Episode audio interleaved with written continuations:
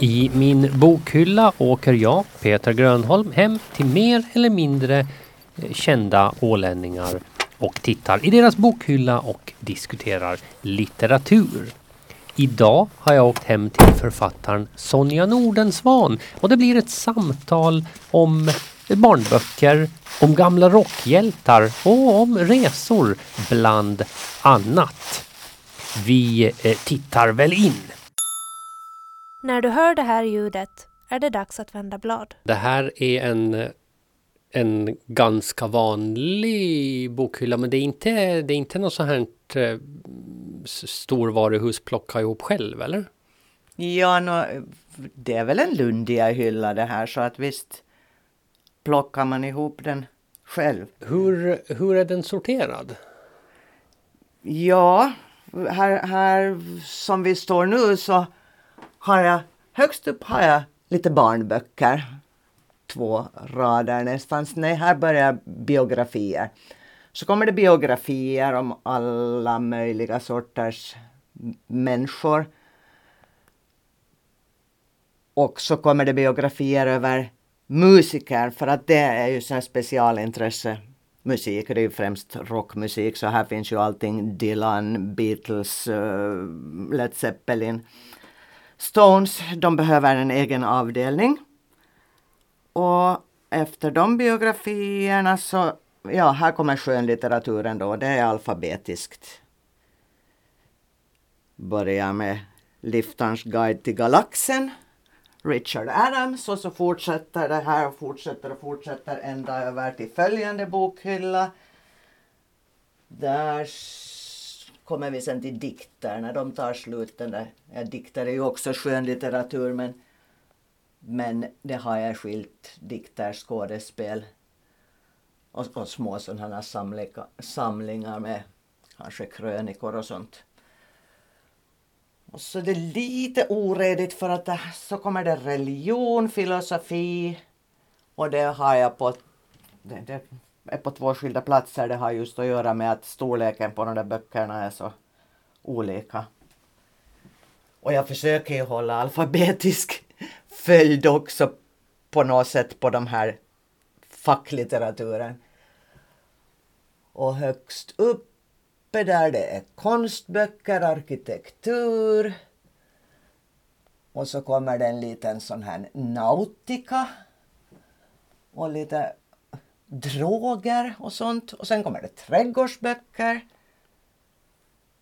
Och så har vi sånt här som är om olika länder och det är blandat både reseskildringar och historia i samma, men det, då är det sorterat efter land i den mån det går, att alla åländska på ett ställe, om Finland på ett och USA, Israel och vad det finns. Och det är egentligen det som fortsätter sen längst ner. Lite har jag väl försökt separera att ren historia är skilt från reseskildringar, men ungefär så Ja, ser det ut. okej, men då, då börjar vi, då tycker jag vi bör- börjar från, från, från början då och så går vi på barn, Barnböcker. barnböcker och där hittar vi ju, ja, Nalle Puh till exempel ser jag där. Ja, alltså Nalle Puh är ju så fantastiska böcker just för att de är skrivna så att både barn och vuxna kan läsa dem. Och, och vuxna tar ju till sig lite andra saker i de här böckerna än, än vad barnen kanske gör för att det, det är ju, det är ju sådana här dubbelbottnade. Det är, alltså Nalle Puh och de här böckerna om Mumintrollen de är ju så överlägsna på det viset att, att, att de är faktiskt både för barn och vuxna. Ja, men jag tänkte just att jämföra med Mumintrollen för de har ju man har ju sett dem som tecknad serie eh, som barn men när man läser böckerna så är det någonting helt annat. Och, och det är lite, eller ja, och det är lite samma med, med Nalle Puh då. Så är det och jag tycker ju egentligen att det är lite synd Mumintrollen att de har gjort de här väldigt enkla Eh, böckerna av dem. För att man ska inte underskatta barn heller. Det, det som de inte förstår när de läser, det, det silar de bara ut och så kanske om några år så kommer de att förstå det. Men att, att helt och hållet ta bort det, det tycker jag är synd. Det är klart att du måste ta bort det när, när du har de här riktigt bilderboks. För de allra minsta barnen kan du ju inte ha hela den här texten som finns med i de här böckerna om Mumintrollen. Men, men annars. Och de har jag förresten skilt här, de har jag bland vuxen. Du ser Trollkarlens Ja. hatt och, och Det osynliga barnet, hela den här serien. Den, de har jag bland vuxen. Mm, så att de, de, de fick inte bo med barnböckerna. Nej, det har blivit så, fast jag har Nalle Puh bland Ja. barnböckerna. Och sen min en sån här riktigt favorit från, från eh, lite nyare litteratur, den här rekommenderar jag alltid. Nu ska vi se. Mördarens apa av Jakob Vegelius. Ja, han, vad var det för pris? Vann han nordisk, skulle ha varit Nordiska rådets litteraturpris för Ja. barn och ungdom i alla fall. Men alltså det är en f- riktig äventyrsbok och så finns det såna fina kartor och bilder i den. Och den här kan också vuxna läsa. Och hur, har du läst den? Nej, nej den Nej, alltså huvudpersonen är ju en gorilla som är maskin... Är hon en maskinmästare? Bla, bla, blandar jag ihop. Ja, men hon kan i alla fall skriva maskin och hon, jag, jag tror hon jobbar som maskinmästare. Och det är inget konstigt alls. Alltså man börjar läsa det där och, och, och tycker att det är helt okej att det är en gorilla. Det är inget konstigt. Ja. Men den rekommenderar jag. ja. Vad, vad var nästa kategori sa vi? var det kom- biografier? Det är biografier, så det här ser du det är allt från skådespelare, uh, Marlon Brando ser vi där ja. jo, Papillon. Det är ju en sann historia, det har ju gjorts film om. Det var han som satt fångad där ute på Djävulsön utanför franska Guyana och hur han lyckades rymma därifrån. Charles Manson Ja, det, jag, jag är mycket intresserad av sådana här bovar och banditer. Charles Manson är väldigt intressant och en annan som jag har flera böcker om är den här eh, Gary Gilmore. Det här är hans bror som har skrivit den. Men Gary Gilmore, eh, han... eh, varför han blev så känd var det att han propsade på att han skulle få sitt dödsstraff verkställt. För de hade precis tagit bort dödsstraffet i... Alltså han var ju hemma från Utah. Han var mormon skulle jag säga. Mm, Ja, hela världen följde ju med hans eh, kamp för att få bli avrättad för sina straff. Ja. Vad, vad, vad hade han gjort då? Han hade nog skjutit några äh, människor sådär. mm. Ja, Så, det var, så han hör inte riktigt till samma kategori som Charles Manson och, och dem. Nej, det var inte så planerat. Den här Gary Gilmore var väl mer en sån här att han gick in på någon bensinstation och det gick liksom snett. Charles Manson var ju utstuderat. Det gick ju just en intressant dokumentär i flera delar där de hade släppt um, intervjuer med de här eh, kvinnorna som var med i den här, om, om, vi kallar det för en sekt. Det var ganska vidrigt hur, Ja. hur de tänkte. Så det, det fascinerar sånt här med brott och vad som får folk att utföra dem. Och... Läser du ofta om böcker? Ja, det gör jag. Och jag har en sån här princip egentligen med den här bokhyllan att jag, jag sparar inte böcker som jag inte tror att jag kommer att läsa om. De, de går bort direkt för man kan inte spara på allt. Men det jag har i bokhyllan så är nog sånt som en del har jag läst om och, och andra så hoppas jag att jag ska hinna läsa om någon gång. Och det finns nog sådana som jag kanske borde, som den här boken om Stalin. Jag tror inte att jag orkar läsa den på nytt. Det är liksom en tusen sidors lunta. Och dessutom tyckte att den var lite dålig. Att den där författaren hade koncentrerat sig på, på sådana här fåniga saker om hur, hur Stalin, hur han prutta och, och ja, sånt. Ja, men då, då, är det ju kanske, då innehåller den ju sånt som man inte har läst i de andra böckerna. Ja, det kan hända. Men det var lite så här, blev, blev lite sån här skvallertidningsnivå. De här sämsta eh, skvallertidningsreportagerna. Mm. Så att, Men han är ju, han har ju skrivit många biografier den här Montefiore. Jag kan säga det att Charles Manson-boken heter Coming Down Fast av Simon Wells. Då ska vi se om... Ja, men jag, jag tänker jag håller fortfarande på kopplingar i mitt huvud från Charles Manson. Är det här Merlin Manson?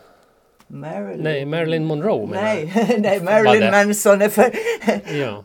ha- har jag aldrig berättat. Men det Marilyn Monroe finns det lite böcker. Det där är Norman Mailers bok om henne. Men sen har jag väl en Marilyn Monroes hemliga liv. Ja. Ja.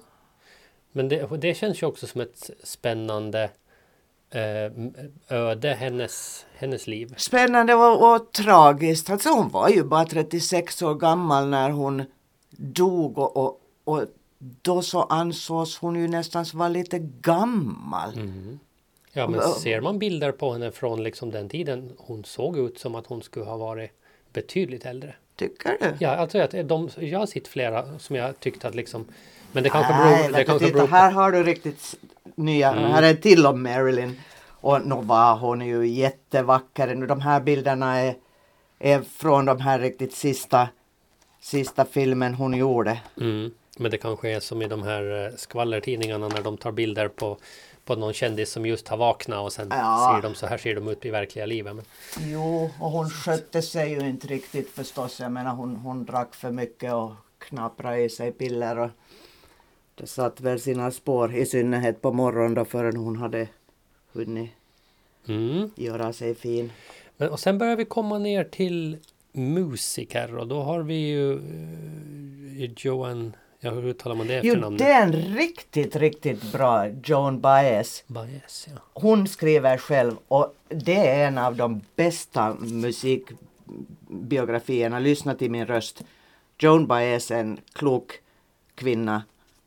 Hon är ju fortfarande aktiv egentligen inom ja, freds, fredsrörelsen. Och, men den här är så välskriven att hon, hon skulle mycket väl kunna vara författare också. Den kom ju ut redan 1987 den här Lyssna till min röst.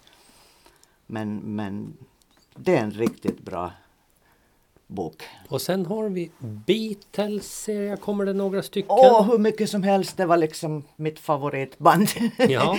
i, i ungdomen. Så att Beatles har jag väl snöat in på lite. Då, alltså Mauri. Kunnas. det var roligt, jag tänkte precis dra ut den boken själv. För det här är Mauri Kunnas älskar jag. Han har ju gjort både om Kalevala och Jultomten och, och, och, och Stones också tror jag. Men det här är hans bok om Beatles och deras historia. Birth of a Band. Ja, Och ja, han håller ju sig till någorlunda till sanningen men på sitt, på sitt eget vis och med sina härliga bilder. men det här är faktiskt det första Mauri Kunnas boken som jag ser utan, utan hundar. All, de tecknade, Ja.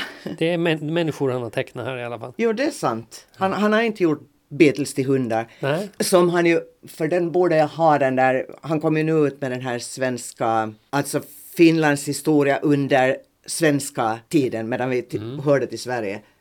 Och där har han ju alla de här svenska kungarna är olika hundar. Och sen har vi, vad sa vi där, Mick Jagger och Led Zeppelin. Och så- Ja, alltså Led Zeppelin var också ett sånt band som jag snöade in på ganska mycket och, och visste en massa om så att det var ju därför jag, jag, jag måste ju baka in lite i min egen bok. Den här Blues från ett krossat värdshus. Ja. Där förekommer ju en person från Led Zeppelin Ja, och historien om hans försvunna gitarr som alltså på riktigt så, så försvann en av hans gitarrer och, och jag tror inte att den fortfarande har kommit till rätta. Nej. Så att jag har ju skrivit en historia om hur det gick med den. Ja, se där. Du lyssnar på Min bokhylla med Sonja Nordensvan. Eh, Liftarens guide till galaxen nämnde du ju. Det är ju en tegelsten om någon. Ja, men det är för att den här består av alla delar för det är väl en Ja, det, det Var, var det en trilogi från början som sen blev fem delar Ja, eller men, någonting men jag, sånt? jag tror att det står det inte någonstans en tri, trilogi i fem delar. En trilogi i fem delar. Jo, det är Liftans guide till galaxen är den första. Restaurangen vid slutet av universum. Livet, universum och allting. Adjöss och tack för fisken och den sista heter i stort sett menlös. Förresten, för nu måste jag se Douglas Adams. Jag, jag måste bara hoppa hit till de här naturböckerna för att jag har för mig, om jag hittar den nu, att han har skrivit en fantastisk bok som handlar om, ja, den, vi måste bara hoppa till det. Ja, För att han har inte... Det här är ju det han är mest känd för, den Liftans guide till galaxen. Men han har skrivit om djur okej. tillsammans med Mark, ja hur man uttalar det, Carward. Mm. Sista chansen. Och han, han är lite som Mark Levengood på det viset att han ställer såna frågor lite sådär som barn gör, att det kommer så spontant och utan något filter. Och det tycker jag är så skönt att man, att man vågar fråga bara sådär. Mm. Fa- Fast det kanske verkar lite dumt så mm, han, han har hittat människoätande komodovaraner och flygoförmögna papegojor och en sexuellt frustrerad. Och, att han skriver väldigt underhållande eh, om de här djuren som han har då rest runt i världen och bekantat sig med. Ja, för han är ju inte förknippad just med, med så mycket annat än Liftarens guide till galaxen. Nej, och det här är alltså, det, är ju, det var ju för att han funderar på vad som håller på att hända med livet på jorden så det, det är ju ett, en, ja han, han vill ju att vi ska, att vi inte ska utrota de här djuren. Men den, den, den är en riktigt rolig bok om man får tag på den, Douglas Adams Sista chansen. Men den var här borta bland, ja var den nu var. Ska vi hoppa, hoppa upp högst upp igen nu då på hyllan bredvid? Ja, det är bra att du är lite längre än jag för jag, kom, jag, jag når inte i alla fall upp till översta hyllan. Där är en favoritbok ser jag genast, den här första. Mhm. Uh, Räcks upp till den.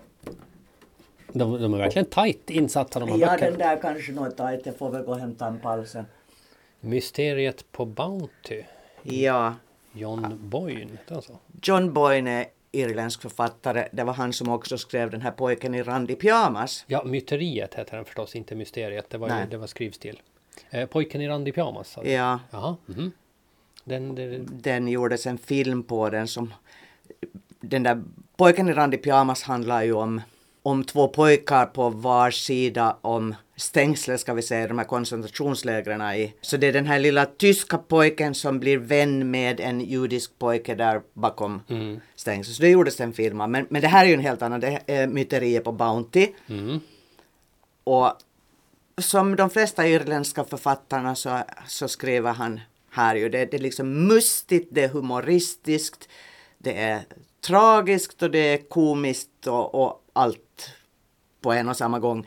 Men den här baserar sig på de senaste forskningen om han här, eh, vad hette den där kaptenen nu på Bounty, William Bly. Och de är lite annorlunda än, än vad man först menar, för jag tror att de framställde William Bly som en riktig skitstövel. Det visade sig att det var nog inte riktigt så. Nej. För den där har väl filmatiserats Jo. med Marlon Brando som regissör. Vill jag minnas. Det kan hända att jag blandar men jag Film hade att- gjorts i alla fall. Men, men den här är, han, han skriver så fantastiskt Ja. tycker jag. Och så är det ju ofta så att när man läser en intressant bok så leder den till en annan. Så nu måste jag hoppa Ja, igen lite då här. hoppar vi igen. För- och rekommendera lite annat. Nu ska jag klättra på stolar. Ja. För att det, det kan inte hjälpas. Mhm. Men du ser här, The Bounty, Caroline Alexander. Det är hon som har gjort den här digra forskningen om Bounty och, och kapten Bly. Ja. Och som han då baserar den här boken på. Men den här är... John Boynes bok är ju förstås helt skönlitterär. Mm. Och det här är en, en faktabok. ja, den står där också. Jo, och då måste jag slå ett litet slag för den här forskaren Caroline Alexander. För första gången jag stötte på henne var i hennes bok om Ernst Shackleton. Den legendariska expeditionen till Antarktis. Ja. Det, ja, alltså, det är så fascinerande läsning hur de här upptäcktsresorna, vad de, vad de fick utstå förr och vad, vad de liksom utsatte sig för. Och, och de här hamnar ju på... De blev ju strandsatta, fartyget blev fastfruset i isen. Och hur de lyckades ta sig till civilisationen därifrån i en, en liten båt och alla blev räddade. Och sen är det de här bilderna som finns. Han hette Hurley, tror jag, Richard. Ja, Frank Hurley som tog alla de här fantastiska svartvita jätteskarpa bilderna från den här expeditionen till, till Antarktis. Så att Caroline Alexander, det är både om Bounty och vad den nu hette den där båten kommer jag inte ihåg. Paolo Coelho ser jag där också. Tre Jo, böcker. alltså han är ju så ojämn. Uh, jag har, det där är de böckerna av Paolo Coelho som jag tycker att är riktigt bra. Sen har jag läst flera andra som har gått ganska snabbt vidare till Emmaus för att han håller inte riktigt måttet. Men, men just de här tre med Djävulen och Fröken Prym tyckte jag riktigt bra om. Veronica, vad står det? Veronica bestämmer sig för att dö. De är bra. Sen var det ju den där alkemisten, det var ju den han väl slog igenom med stort. Mm, Ja, sådär. Men de där två är bäst tycker Ja, jag. ja, jag har faktiskt bara läst Alkemisten av, av Coelho. Men Jo. det tyckte jag så här, den, den var ju, blev ju väldigt väldigt upphaussad. Mm. Och när man hade läst den så var det så här, men det var en trevlig historia. Ja, Men det var inte, inte så mycket mer. Utan nej, jag, det- nej den, den blev väl en trevlig historia. Men de här tycker jag har ett annat djup. Robinson Crusoe ser vi där också. Ja, heter det är som om jag, bara- jag läser bara äventyrsböcker, gorillor som är maskinmästare och fast på. myterier på Bounty. Men jag tycker om riktiga Mm. äventyrs, gammaldags äventyrsböcker. Nu, nu kanske Robinson Crusoe är inte sådär jättespännande för han gick ju där ensam på den där ön dag ut och dag in. Ninna, ninna, ninna, ninna, ninna, ninna. Boktips nummer ett. Jo, den första boken som jag plockar fram är en ny bok och en, en faktabok då, skriven av Anders Hansen och heter Skärmhjärnan. Och varför jag plockar fram den här var för att jag börjar bli så bekymrad över att jag har flera vänner som säger att de klarar inte av att läsa en bok mer, de kan inte koncentrera sig. Och han säger så här, Anders Hansen också, att, att han tycker att det har blivit allt svårare att hålla koncentrationen. Att det räcker inte, alltså han kopplar ju det här förstås till mobiltelefonen då, att det räcker inte med att han sätter den på ljudlös den här telefonen, att han måste lägga den helt i ett annat rum. Och ändå så är det så att när han läser, så så fort han tycker att det är lite trögt, så då kommer den där impulsen att han ska gå och titta på telefonen om, om där är någonting den beskriver vad som händer med vår hjärna med den här ständiga uppkopplingen och, och med vår sömn och med vår tid. Alltså vi, vi lägger ju fyra, fem, sex timmar per dag åt det här. Och det är inte det att han, han vill förbjuda oss att använda mobiltelefonen, men att, att vi behöver reflektera över vårt eget användande och vad det gör med oss. Så den, jag, jag rekommenderar den här. Och han är ju, han har ju många program. Det är på tv nu också, det går någon serie om hjärnan. De har jag inte hunnit se på ännu, men jag har dem på bandning. Boktips nummer två. Jo. Och då har jag valt, då kommer vi till George Orwell. Djurens gård. Den heter också Djurfarmen tror jag i vissa andra översättningar. Animal Farm på engelska. Och det här tycker jag är en bok som är, är liksom aktuell ännu idag. Den skrevs ju någon gång, ja vad var ursprungs... Ja, den kritiserar ju egentligen liksom Sovjet.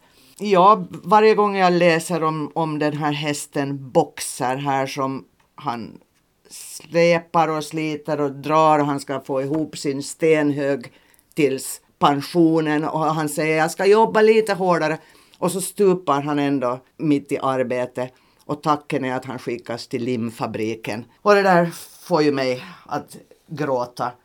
Och Och jag tycker att vi är liksom där idag igen, att vi håller på och hela tiden och säger att ni måste vara effektivare, flexiblare, ni ska jobba hårdare, vi måste få tillväxt. Och hur vi än liksom gör så räcker det aldrig till.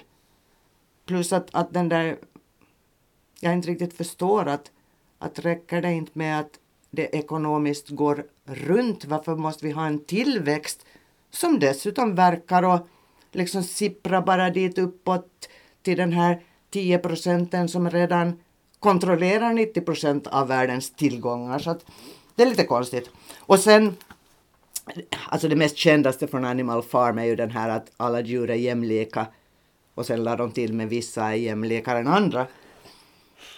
Och, och, och då tänker jag också med dagens att jämlika, hur, hur, hur motiverar man sånt att till exempel postens VD i Finland lyfter 36 gånger högre lön än sina anställda. Att det inte kan ju ändå någon människas arbete anses vara värt 36 gånger mer än någon annans. Mm. Så det, det, finns mycket sånt som man, man kan dra såna paralleller till, till dagens samhälle. Och sen de där fåren som bräker i den här och inte ifrågasätter någonting och man kan manipulera dem lite hur som helst. Att vi har ju ganska mycket sådana här fårskockar idag tycker jag. Så det, det var uh, George Orwells Animal Farm och man kan gärna läsa hans andra böcker också. Och så boktips nummer tre. Jo, då är det en, klassiker igen. Och det är finska nationaleposet Kalevala som jag har i en sån här riktigt gammal eh, läder inbunden och det är just den här översättningen av, han heter Karl Kolan, som kom 1800, på 1860-talet. Den översättningen tycker jag bäst om. Jag har den här med Mats och Lars Huldén. Men jag har inte riktigt orka med den för på något vis, jag, jag, jag tyckte så mycket om den här översättningen så att jag vill. ja, jag har svårt att vänja mig vid att det ska vara annorlunda. Men det här tycker jag är en fantastisk berättelse, e, eller samling berättelser som står sig verkligen liksom om man tänker de här andra nationaleposerna runt om i världen. Och det intressantaste är ju det här slutet med den här Mariatta som går i skogen, jungfru Mariatta som går i skogen och så äter hon det här lingonet och blir gravid. Så det är ju verkligen en sån här jungfrufödsel igen. Och det symboliserar ju hela berättelsen hur, för att den här Marjatta födde ju en son som sen blev den här nya makthavaren efter Väinämöinen. Och det säger ju då att ja, kristendomen kom till Finland och tog över de här gamla, gamla figurerna. Så det rekommenderar jag Kalevala. Man borde förstås läsa den på finska men det blir för svårt ja. för mig. Ja, ja, för mig också kanske.